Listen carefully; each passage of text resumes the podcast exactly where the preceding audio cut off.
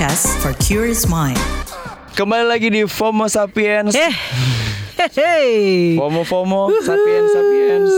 Halo teman-teman FOMO. Aduh, ini udah memasuki minggu ke berapa di bulan Februari ini ya? Kita minggu pertama. Minggu pertama ya. Ya, minggu pertama. udah mau disambut sama long weekend. Keren nggak? Ya. Oh, hihi, yes. Eh, eh, jangan senang dulu long weekend ini untuk eh, untuk apa dulu nih? Kan bentar lagi juga bakal masa tenang dan kita akan memilih di mana. Sekarang-sekarang lagi rame nih di internet. Jadi Oh, iya. nikmatin masa liburanmu untuk tetap kritis ya. Tapi ini ada yang lagi rame juga nih kemarin. Apa Lu, tuh? gue pengen nanya dulu nih. Lu tuh penikmat musik bukan? Lumayan, lumayan. Random aja mana yang kira-kira pas untuk dinikmati pada saat itu sesuai mood. random. Genre Hmm. lu juga random. Genre cukup random dari mulai reggae, dangdut sampai koplo juga saya nikmati. Paling aneh, paling aneh.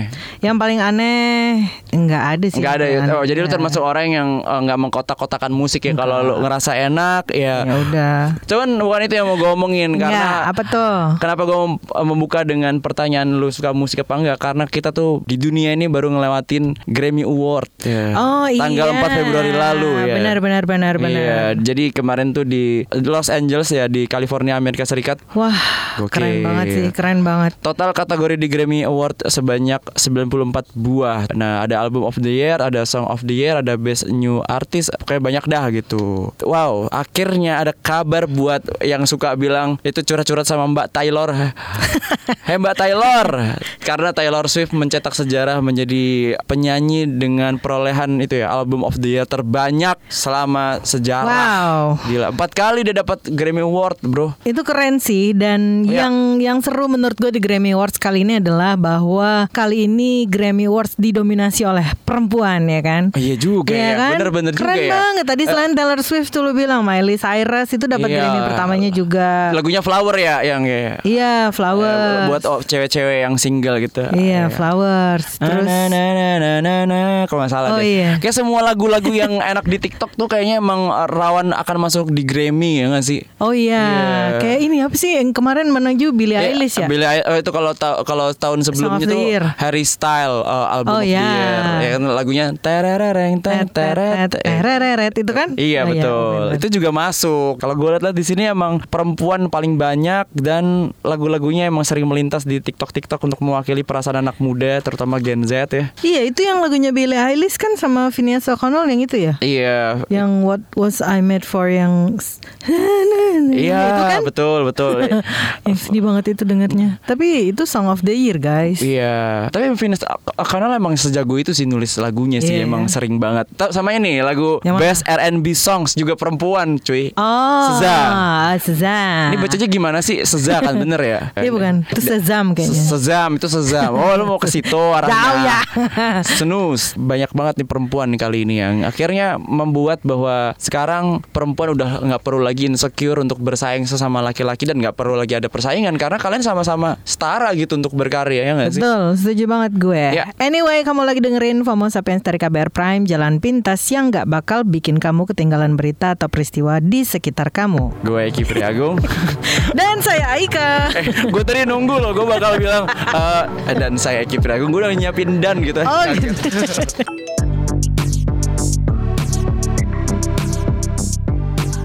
Tadi itu kita udah ngomongin yang agak ringan banget dan Oke. apa namanya? Kita semua pasti suka musik lah ya. Iya. Tapi apalagi nih yang lagi rame nih? Yang lagi rame pekan ini adalah soal ini nih. Ini kan udah bentar lagi memasuki masa tenang ya kan di akhir Ya. pekan ini gitu. Ngepas banget sih di long weekend ini kayaknya pemerintah pinter juga kayak nyusun jadwal ya. itu kan? makanya, itu makanya. Pas banget ya pas kita lagi libur. Ah, Ya. Jadi masa tenang, pokoknya mungkin ya untuk memantapkan hati dan pilihannya ya kan. Ya. Tapi walaupun udah mau masuk masa tenang, tapi ternyata minggu ini nggak tenang-tenang banget juga karena pemilu kita sepanjang minggu ini tuh banyak nodanya ternyata ki. Banyak nodanya. Noda-noda ada aja noda kayak. dan gak ada pemutih yang bisa ngebersihin ini karena ya nggak- belum ada deterjen yang ngaku bisa ngebersihin itu ya noda di KPU. Iya. Kenapa nodanya apa? Coba dijelaskan lebih detail kak. dapat kabar nih kalau Dewan Kehormatan Penyelenggara Pemilu DKPP itu memutuskan bahwa semua komisioner dari KPU sebagai penyelenggara pemilu nih Ya. melanggar etik dalam pencalonan Gibran Raka Buming Raka sebagai calon wakil presiden. Gitu. Jadi KPU dapat sanksi keras lah nih dari DKPP nih gitu. Oke. Peringatan keras lah. Udah ada empat aduan nih terkait semua komisioner KPU gara-gara perkara etik pencalonan Gibran itu gitu. Oke, salah satunya karena pencalonan si Gibran itu ya. Iya, dianggap ya itu melanggar etik lah. Sementara si apa kalau menurutnya si KPU bilangnya sih ya udah sesuai kok sama ini gitu, udah sesuai semua nih sama sesuai dengan aturan Ya. gitu. yang sudah ditetapkan 40 tahun atau kecuali kepala daerah gitu kan. Dan dimasuknya bukan di 40 tahun tapi di kepala daerah gitu kan. Iya. Tapi memang sebenarnya juga nggak mengagetkan banget sih kalau sumpama ini adalah melanggar etik gitu. Cuman baru diputuskan aja. Cuman yang bikin gua kesel ini dengan ada pernyataan pelanggaran etik yang cukup keras dari KPU ya terkait pemilu yang diselenggarakan sekarang ini. Konsekuensinya apa gitu? Apakah cuman jadi berita doang? Habis itu eh, kalau pemilu ini tetap jalan, nggak ada yang di cancel atau calonnya tetap bisa masuk ya, ya apa gunanya gitu informasi yang kita dengerin ini? Karena kalau namanya salah ya udah harus ada konsekuensi yang harus mereka tanggung dong. Mungkin kita nggak tahu. Eh, ada kok konsekuensinya Ki, lu lu nggak tahu aja. Mungkin sekarang semua petugas KPU lagi disuruh itu angkat kaki satu gitu sambil dijemur. Men, kita nggak perlu itu. Menurut lu sendiri gimana terkait dengan berita ini? Apalagi ini udah mau masuk masa tenang. Terus Iya. tiba-tiba apa yang dia putuskan di waktu lalu itu apakah bisa dicabut? Nah itu Enggak juga kan? gitu. Pertanyaannya itu gitu. Jadi kenapa harus ditaruh di dekat-dekat masa tenang? Ter- Tapi ini bisa menjadi catatan juga sih bahwa kalau memang itu sudah benar dinyatakan sebagai pelanggaran etik, Ya. maka kita tahu bahwa keputusan yang diambil salah kan. ya. Maka kemudian ya nggak mau dilanjutin ntar gue mengarah lagi. Tapi tapi siapa pun yang kepilih dan eh, ternyata hasilnya melanggar itu tetap bisa masuk Hmm. dalam suatu jabatan itu ngasih bukti bahwa rakyat Indonesia mulai memaklumi terhadap segala pelanggaran. Tapi nggak gitu juga Ki Karena ternyata Oh, iya. Ya walaupun memang udah nih ah, Oke gitu Banyak juga publik yang memprotes akhirnya Iya kan mengkritik Kayak Iya, misalnya di sisi lain Ini lagi rame-rame nih Gue langsung kayak Betul, Vu ramai 98 nih Iya kan? Iya, cuman bedanya ini apa namanya nggak sampai eh, gedung DPR di- dinaikin aja sama mahasiswa belum gitu. Tapi tapi gue kerasa banget heboh banget semuanya dari segala pihak gitu. Dibilangin sama mahasiswa nggak dengar, dibilangin sama beberapa aktivis nggak dengar, terus dibilangin sama sekarang guru-guru besar pada turun loh. Kampus gue aja yang agak lama akhirnya juga turun kemarin kan. Benar. Dari 11 kampus tuh UGM, UI dan lain-lain tuh kok kampus gue kagak ada. Ini mana? Oh iya lagi sibuk ngurusin pinjol ya.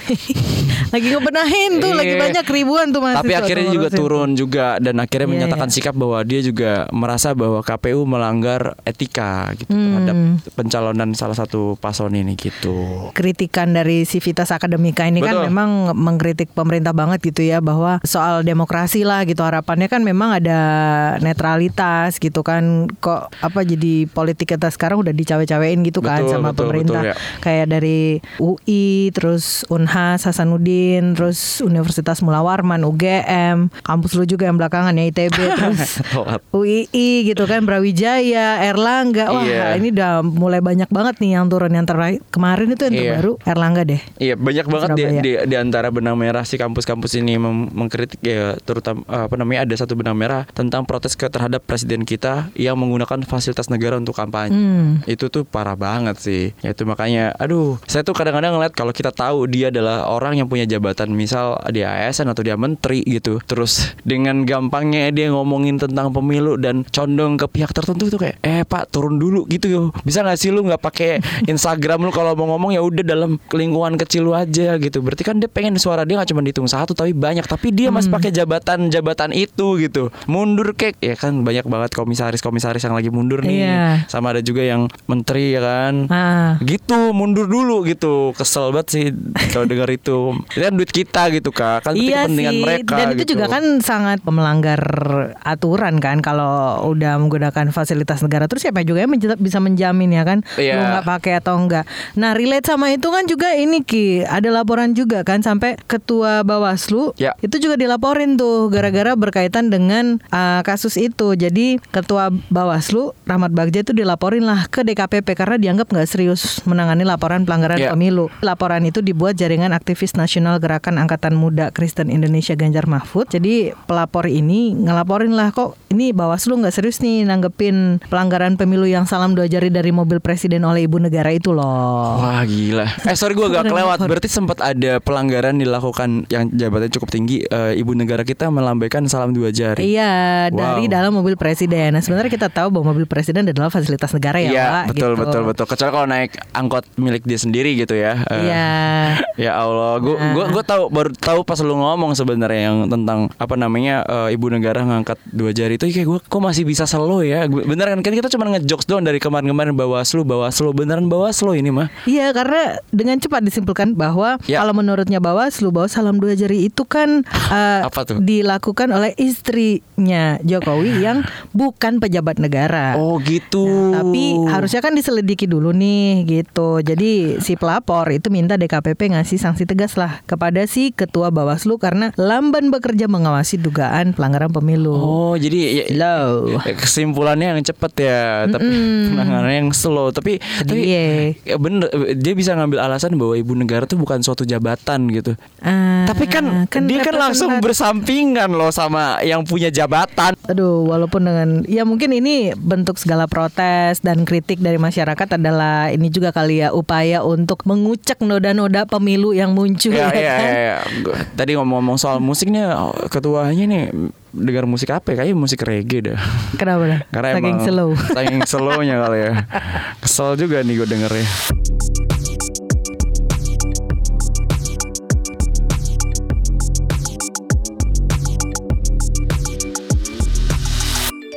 Gila ya tadi kita udah ngebawa hal-hal yang cukup bikin seneng karena banyak perempuan yang masuk di Grammy Award ya kan. Hmm. Terus habis itu eh ada berita agak sedikit menyebalkan. Terus ada lagi nih lanjutannya nih. Apa tuh? Tadi kan kita udah ngebahas tentang noda pemilu dari KPU. Hmm. Sekarang ada sentimen publik pasca debat. Kan kemarin kita juga Nah. baru menyelesaikan debat terakhir. Betul. Ya. Debat terakhir kemarin yang jadi highlight lo apa sih Ki? Maksudnya masih lu keinget-inget ya sampai sekarang nih? Ngantuk. Tiap orang punya perspektif yang berbeda ngeliat sesuatu Betul, gitu. Dari beberapa sisi yang kita tunggu-tunggu serangan, tapi mungkin dari eh, data itu bukan hal yang menarik secara apa namanya sentimen publik juga nggak tahu. Makanya Hmm. dari mereka kenapa memilih kayak gitu, gue yakin tuh sudah dipikirkan matang-matang terhadap tim komunikasinya lah gitu. Hmm. Kalau lu pribadi nih, apa yang lu highlight dari debat kelima? Kalau debat kelima itu singkat gua waktu Anies pakai bahasa isyarat. Ah. Kita kan sempat skip tuh karena ini apa ya artinya ya Iya. gitu. Nah, Dan sempat cari ketawa tahu- juga, sempat ketawa juga karena pas dia fokus ke bahasa isyarat, dia lupa ngangkat mic-nya. Jadi pas ngomong gak ada Iya. gak ada bunyinya. Oh, iya. ternyata dan ada artinya. Hmm. Ada artinya. Ternyata tuh maksudnya yang disebut oleh Anies itu adalah waktunya perubahan. Iya kan, dia sesuai sama waktu, jargonnya. iya. Dia waktu kan. Oke. Terus uh, Prabowo yang menggaungkan strategi transformasi bangsa, Iya. AKA makan gratis. Betul betul. Ya kan, betul. ya kan Sama makan gratis. Kalau Ganjar itu gue ingetnya ketika dia mention gerakan masyarakat sipil yang lagi rame belakangan ini kan Iya. soal demokrasi yang adil. Betul. Ya karena mau nyambung sama wakilnya yang dengan besar hati mundur gitulah. Ya. Itu nyindir siapa ya?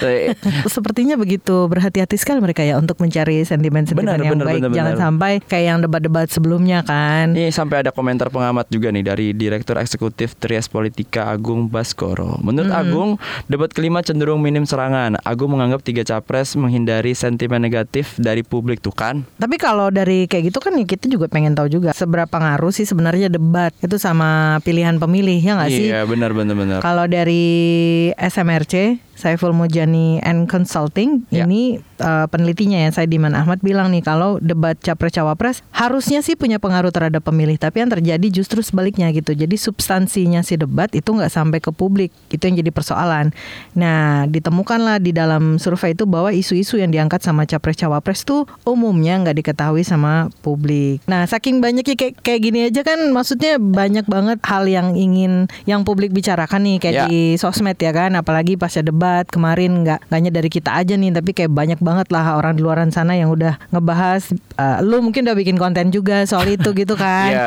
kayak jadi tuh saking banyaknya informasi yang muncul tuh kita pengen tahu sebenarnya nih jadi pasca debat kemarin tuh sentimen publik tuh terhadap pemilu tuh kira-kira positif atau negatif atau gimana atau netral gitu Ya kita Nah, gimana cara ngeceknya tuh? Nah kita bakal ngobrol-ngobrol aja nih sama lead analis dari Drone Emprit ada Mas Rizal Nova Mujahid. Mas, ini seperti apa sentimen politik pasca debat terakhir kemarin nih? Entah itu sentimen positif dan negatif gitu. Jadi Mbak Ika, kalau kita hitung dari tanggal 4 sampai tanggal 6 kemarin, tanggal 4 pukul 22 itu pasca debat selesai sampai tanggal 6 kemarin, itu perolehan perbincangan publik memang masih ramai sekali, banyak sekali yang dibicarakan selain tentang performa mereka di panggung debat juga, visi misi dan hal-hal lainnya yang terkait dengan itu. Capres 01 Anies Baswedan itu mendapatkan volume tertinggi, dia yang paling banyak dibicarakan oleh publik terkait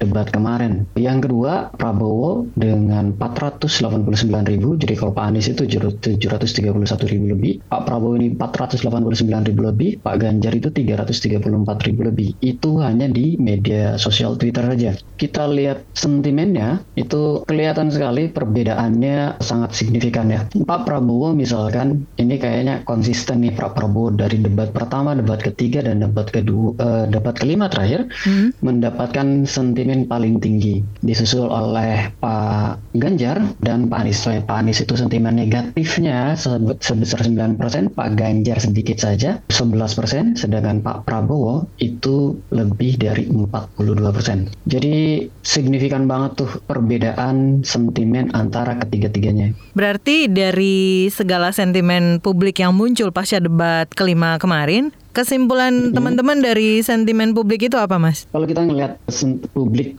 di media sosial, terutama terkait debat dari debat pertama sampai debat terakhir ini. Satu dan dua hari pasca debat itu biasanya publik masih melihat performa para paslon, performa para capres dan cawapres di panggung debat ya. Akan tetapi pada debat kelima ini agak berbeda, berubah tuh. Jadi tidak hanya berbicara tentang performa mereka di panggung debat, tapi juga apa yang terjadi di luar panggung debat. Misal ada isu-isu tentang Mahfud MD mundur, itu juga mempengaruhi mempengaruhi apa yang terjadi di panggung debat dan percakapan setelah panggung debat. Ini kemudian dihubungkan dengan lain-lain dengan lain-lainnya dengan aktivitas mereka e, selama kampanye. Lalu ada kritik dari para guru besar di berbagai belahan negeri ini. Itu juga mempengaruhi perbincangan tentang para capres dan cawapres ini. Selain itu juga tentu kontroversial tadi ya pada saat debat itu memang memicu perbincangan. Nah, kalau kita ngelihat dari sini dan melihat pergeseran sentimen serta perubahan ininya, perubahan pemain akun-akun yang berpartisipasinya, mm-hmm. itu kelihatan kalau dari debat pertama sampai debat kelima ini, etap dukungan terhadap masing-masing paslon tuh berubah tuh mbak. Pada debat pertama itu akun-akun yang menyatakan diri belum mendeklarasikan dukungan pada satu, dua atau tiga itu kemudian makin lama makin berkurang, makin lama makin berkurang sampai di debat kelima ini kelihatan akun-akun yang netral katakan gitu ya, yang belum mendeklarasikan dukungan itu kelihatan lebih sedikit daripada di debat pertama. Kebanyakan memang perubahannya merata, tapi kalau kita lihat agregat gitu, kira-kira siapa sih yang paling banyak dari sisi dari volume dukungannya. Sejak Januari awal itu volume dukungan terhadap 01 di media sosial itu semakin menguat sebenarnya dibandingkan volume dukungan terhadap 02 maupun 03. Itu kalau dari peta perbincangannya Mbak kira-kira. Gimana nih perbandingan debat terakhir dengan debat sebelumnya? Apakah tren sentimennya publik masih sama? Kita ngomongin capres aja kali ya, capres yeah, yeah. dulu ya. Pada capres debat pertama itu hampir rata-rata sentimen negatifnya cukup tinggi baik pada Anies, pada Prabowo maupun pada Ganjar. Pada debat ketiga itu geser tuh. Pak Anies perolehan sentimen negatifnya hanya 14%. Pak Prabowo 54%, Pak Ganjar 11%. Jadi ada berubah sekali dibandingkan dengan debat pertama gitu. Tapi kalau pada debat kelima itu kelihatan kalau negatif pada Pak Anies itu makin kecil tadi saya sudah betul sebutkan ya 9%, pada Pak Prabowo itu 42%, pada Pak Ganjar itu 11% negatifnya. Sisanya hampir positif semua dengan perolehan sentimen netral. Anies itu 8%, Pak Prabowo 9%, Pak Ganjar 12%. Jadi kelihatan sekali kalau ada perubahan cara publik memandang para capres dan cawapresnya dari setiap debat. Selain itu juga pada penampilan terakhir itu kan cenderung teduh ya, tidak ada serang-serangan maupun jebakan-jebakan. Nah, karena itu mereka lebih banyak menyampaikan visi, misi dan program-programnya dengan lebih jelas. Publik bisa mengeksplorasi lebih jauh itu kemudian di media sosial maupun di media di media sosial Twitter, TikTok, Instagram dengan lebih tanpa diramaikan dengan gimmick-gimmick seperti debat kedua atau debat pertama. Kita kan sebentar lagi juga akan memasuki masa tenang ya karena kampanye akan segera berakhir hmm. di tanggal 10 nih. Kira-kira uh, netizen ini paling banyak bahas apa nih terkait tentang hal ini? Pertama lebih banyak kepada ajakan untuk memilih. Yang kedua memang yang lebih banyak adalah terkait isu-isu terkini itu. Pak Ahok yang keluar dari BUMN ya. serta berbagai macam seruan moral dari perguruan tinggi itu menjadi dua isu yang cukup ramai dibicarakan oleh publik. Selain itu juga ada DKPP yang menjatuhkan putusan kalau KPU melanggar kode etik. Sebagai pemilih apa yang kira-kira kita perlu perhatikan sehingga akhirnya tidak kejebak dari hanyutnya banyak informasi di internet gitu. Concern pertama adalah hoax. Karena kalau kita ngelihat paslon 1, paslon 2, paslon 3 mereka masing-masing punya program program-program, tentu saja itu yang dijadikan rujukan untuk melihat apakah sesuai atau tidak dengan apa yang mereka bayangkan untuk lima tahun ke depan. Sebaiknya mengarah ke situ ya, eh, informasi-informasi yang verified, informasi-informasi yang resmi dikeluarkan oleh masing-masing paslon dan tim pemenangannya. Masalah besarnya adalah hoaxnya itu banyak banget, terutama itu tadi itu hoax terhadap para capres dan cawapres dan terhadap penyelenggara pemilu. Itu saya kira informasi informasi-informasi yang perlu dicek ya, informasi-informasi yang perlu diwaspadai. Hmm. Jangan sampai kita memilih karena didorong oleh hoax gitu. Itu kan lucu ya. banget itu.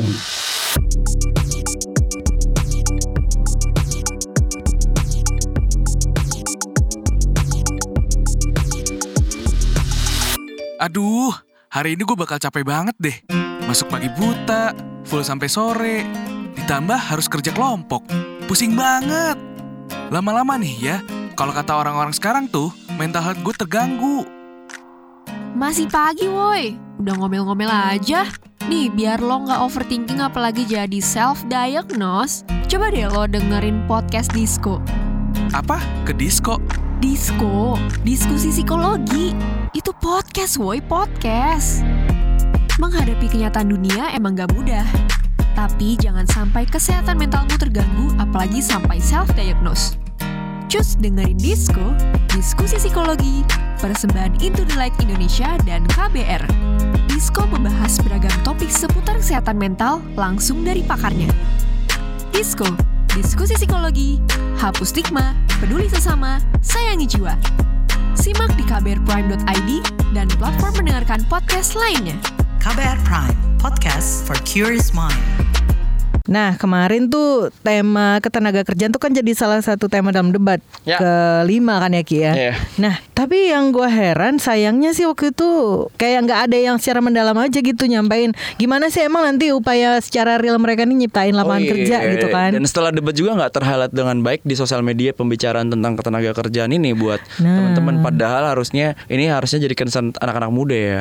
Aduh, ini kita lihat datanya dulu kali ya. ya. Kalau lihat angka penganggurannya di Indonesia itu kan datanya BPS per Agustus 2023, bayangin ya ada 7,86 juta orang Indonesia itu pengangguran, guys. Wow. Dan mayoritas Gen Z usia 15 sampai 24 itu menyumbang 19,40 persen dari total pengangguran 78 jutaan itu. Wow, banyak juga ya. Tapi banyak. mungkin juga kan banyak yang masih kuliah kali ya. Jadi Iya. Yeah. Dan mungkin masa-masa itu juga masih baru lulus atau yeah. apa, iya. belum dapat kerjaan yeah. gitu kan. Gimana ya jadi orang yang nggak punya kerjaan tapi harus datang ke psikolog itu gimana ya? Ini kan dari tadi eh, kita nggak bahasnya mungkin dari sisi generasi umur ya kan. Iya. Gue pengen bahas dari sisi provinsi. Yang uh. pertama ternyata adalah provinsi Banten 7,52 persen. Ada juga nih yang didominasi didominasi oleh orang-orang atu-atu Jawa Barat. eh, 7,44 persen. Kepulauan Riau 6,80 persen. Kayak orang-orang itu berarti slow living banget ya tinggal di dekat pantai situ ya. Iya. Wah ternyata nomor 4 DKI Jakarta guys. Aduh ternyata Tempat kita menyumbang pengangguran tertinggi ya DKI ini. Kan Wah. padahal orang bilang tuh kalau lu pengen ke Jakarta tuh kan karena mencari peluang, kerja. Iya. cari kerja, kumpul dan dianggap kayak banyak peluang gitu. Ini, Tapi ternyata ini mitos yang harusnya mereka mereka harus patahkan dengan data ini loh. Kan ini bentar lagi bakal bulan Ramadan, habis itu Lebaran yang di mana setiap Lebaran itu beres Lebaran orang-orang yang tadinya di Jakarta pulang kampung mudik, mm -hmm. habis itu bawa lagi orang-orang berlipat ganda ke sini. Betul. Tuh lihat 6,53 persen di sini nganggur guys. Jadi ya udahlah makmurkan ke temen provinsi-provinsi kalian aja. Tapi emang bener ternyata setelah gue amatin gue keliling-keliling berbagai tempat ya gitu. Kemiskinan ekstrim tuh malah adanya di kota gitu. Orang-orang yang Hmm. nganggur segitunya gitu. Orang-orang di desa tuh beneran eh, mungkin hidupnya ala kadarnya. Tapi gak se ekstrim itu miskinnya. Karena di Iya sana sih. tuh masih bisa gitu kayak lu meti kangkung dari kebun gitu. Oh iya benar. di rumah tetangga lu ngambil nasi gitu ya bisa gitu Iya. saling seduluran lah bahasanya kalau di Jawa Timur Iya, benar-benar. di sini tuh Kayaknya lu ke warteg aja harus beli nasi lima ribu deh. enggak lu kalau seumpama lu mau mandi mau ke WC aja lu bayar di Iya. sini apalagi kalau lu mau makan buang aja nih lu buang sesuatu lu bayar apalagi lu makan Maluku itu di urutan kelima Sulawesi Utara tujuh Aceh wah Aceh 6,03 Sumatera Barat 5,94 gue pikir rumah makan Padang banyak di mana-mana tapi ternyata Oh, iya, benar. iya Ya karena itu orang-orangnya pada keluar Oh Sana bener yang kan di ya. dalamnya kita nggak tahu ya. Iya. Bener bener bener bener bener. Sumatera Utara Bener. 5,89 persen. Ini juga nih pada perantau bukan? Nah kalau yang ini yang nomor 10 ini nggak bukan perantau tapi karena banyak infrastruktur dan akses di banyak hal termasuk pendidikan yang masih kurang. Papua Barat Hmm. 5,38 persen. Berarti ini termasuk tinggi tinggi banget ya. Harapannya sih di tahun ini memang angkanya udah jauh lebih turun lah ya kalau Iya. nanti ada ini lagi gitu. Kayak tadi tuh kita balik ke soal bagaimana ternyata nih mengagetkan juga ya anak-anak eh, Gen Z gitu Iya. malah jadi tingkat penganggurannya paling tinggi. Tapi kalau lo sebagai Gen Z sendiri pertimbangan lo ketika nyari kerja tuh apa sih? eh, banyak sih emang orang-orang Gen Z yang sudah diatur kebanyakan. Mendengarkan banyak narasi di atasnya kalau hidup tuh eh, terlalu ditekan harus PNS dan lain-lain. Sekarang tuh udah mulai banyak Hmm. yang membuktikan bahwa kerja non formal tuh menghasilkan, tapi ternyata kan juga Ah. peluangnya nggak sebesar itu. Sehingga akhirnya banyak banget Gen Z yang hidupnya tuh pengen di pekerjaan tidak terlalu terikat gitu. Makanya banyak banget yang jadi kutu loncat gitu-gitu. Ah. Eh pas mau loncat di, kut- eh, di tempat berikutnya lah nggak ada. Akhirnya jadi pengangguran. Ini mungkin nggak dampak juga karena dulu kita sering dengerin lagu indie. Hah? Jadi pas Kok bisa? Iya, jadi kita tuh nggak kerja karena biarkan semesta yang bekerja.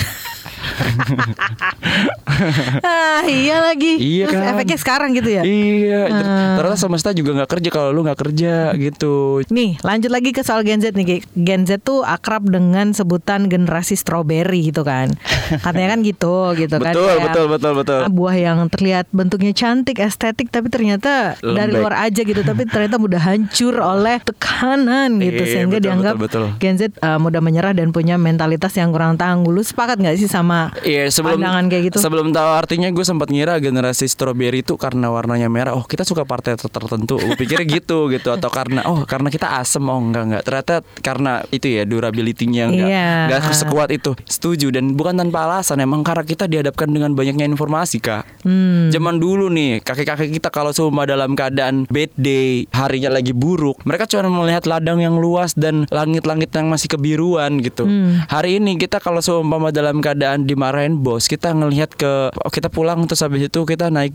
transportasi publik, kita lihat ke langit, wah langit kita gelap ya, polusi, oksigennya nggak banyak. Habis itu Ah. kita ngeliat di Instastory, kita ngeliat banyak orang-orang yang pamer. Wah hidup mereka jauh lebih baik ya. Ah. Yang dilihat kita tuh spektrumnya benar-benar ngebuat kita jadi compare. Sedangkan kakek kita cuma nge-compare sama ketidakadaan sehingga akhirnya "Hmm, masih ada burung berkicau ya gitu loh. Ya, Dan kayak selagi uh, suara uh, apa namanya hewan ternak lu masih berbunyi, zaman dulu tuh lu masih aman gitu. Hmm. Dan mereka kerjaannya capek banget, pakai fisik banget. Ah, Jadi kalau iya, semua mau iya. buat overthinking, keburu tidur. Oh iya sih. Mungkin pengaruh ini juga kali ya. Kan Gen Z kan lahir di era teknologi gitu dari Nah. sejak dini mungkin jadi kayak mungkin satu sisi kayak udah terbiasa sama multitasking jadi susah untuk fokus ya nggak sih? Bener, bener, bener, bener. Karena lu terbiasa harus menggrab segala sesuatu Iya. dalam menyerap segala sesuatunya tuh bersamaan Iya, gitu loh. HD tuh 8 kali lipat kenaikannya gara-gara kita Ah. digital native. Kita benar-benar jadi orang yang ah gila fokusnya hancur banget. Gimana I makanya nggak jadi generasi yang strawberry gitu. Kita tuh kalau ntar ngomong sama cucu kita kayak eh bisa ngomong intinya aja boleh nggak? Kalau nggak aku stitch ntar ya. Iya bener lagi.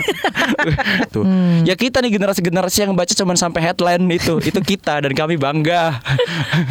Dengan situasi ini tapi kemudian juga banyak sih sebenarnya peluang-peluang yang peluang kerja khususnya kan Ya. yang sekarang Gen Z tuh yang zaman dulu tuh pekerjaan-pekerjaan itu nggak ada tapi sekarang tuh udah mulai ada gitu Iya, kan. Sampai ini pekerjaan apa sih kok bisa ya kita kerja kayak gini tuh sekarang loh ya di zaman Iya. kayak gini gue nggak tahu dah. Iya kan siapa yang mengira akan ada pekerjaan konten kreator gitu-gitu Betul, kan. betul, Jadi betul. kayak Iya. sekarang tuh udah ini banget gitu lah kayak banyak peluang-peluang itu dan yang lagi kalau sekarang kan negara-negara lagi banyak ke soal lingkungan hidup yang berkelanjutan Ya. gitu-gitu kan. Jadi udah mulai ada juga lapangan pekerjaan yang diciptakan yang mulai baru green jobs misalnya Green kan. job. Berkontribusi pada upaya pelestarian lingkungan Keren, keren, gitu keren, keren. Dan ya seharusnya itu bisa bisa jadi pekerjaan-pekerjaan yang dilakukan sama Gen Z ke depannya ya. Itu tadi berita-berita yang ramai di pekan ini teman-teman. Apalagi ya? Udah lah. Ya, kita ketemu lagi di FOMO Sapien selanjutnya. bersama Eki Priagung. dan Aika sampai jumpa. Bye-bye. Bye bye.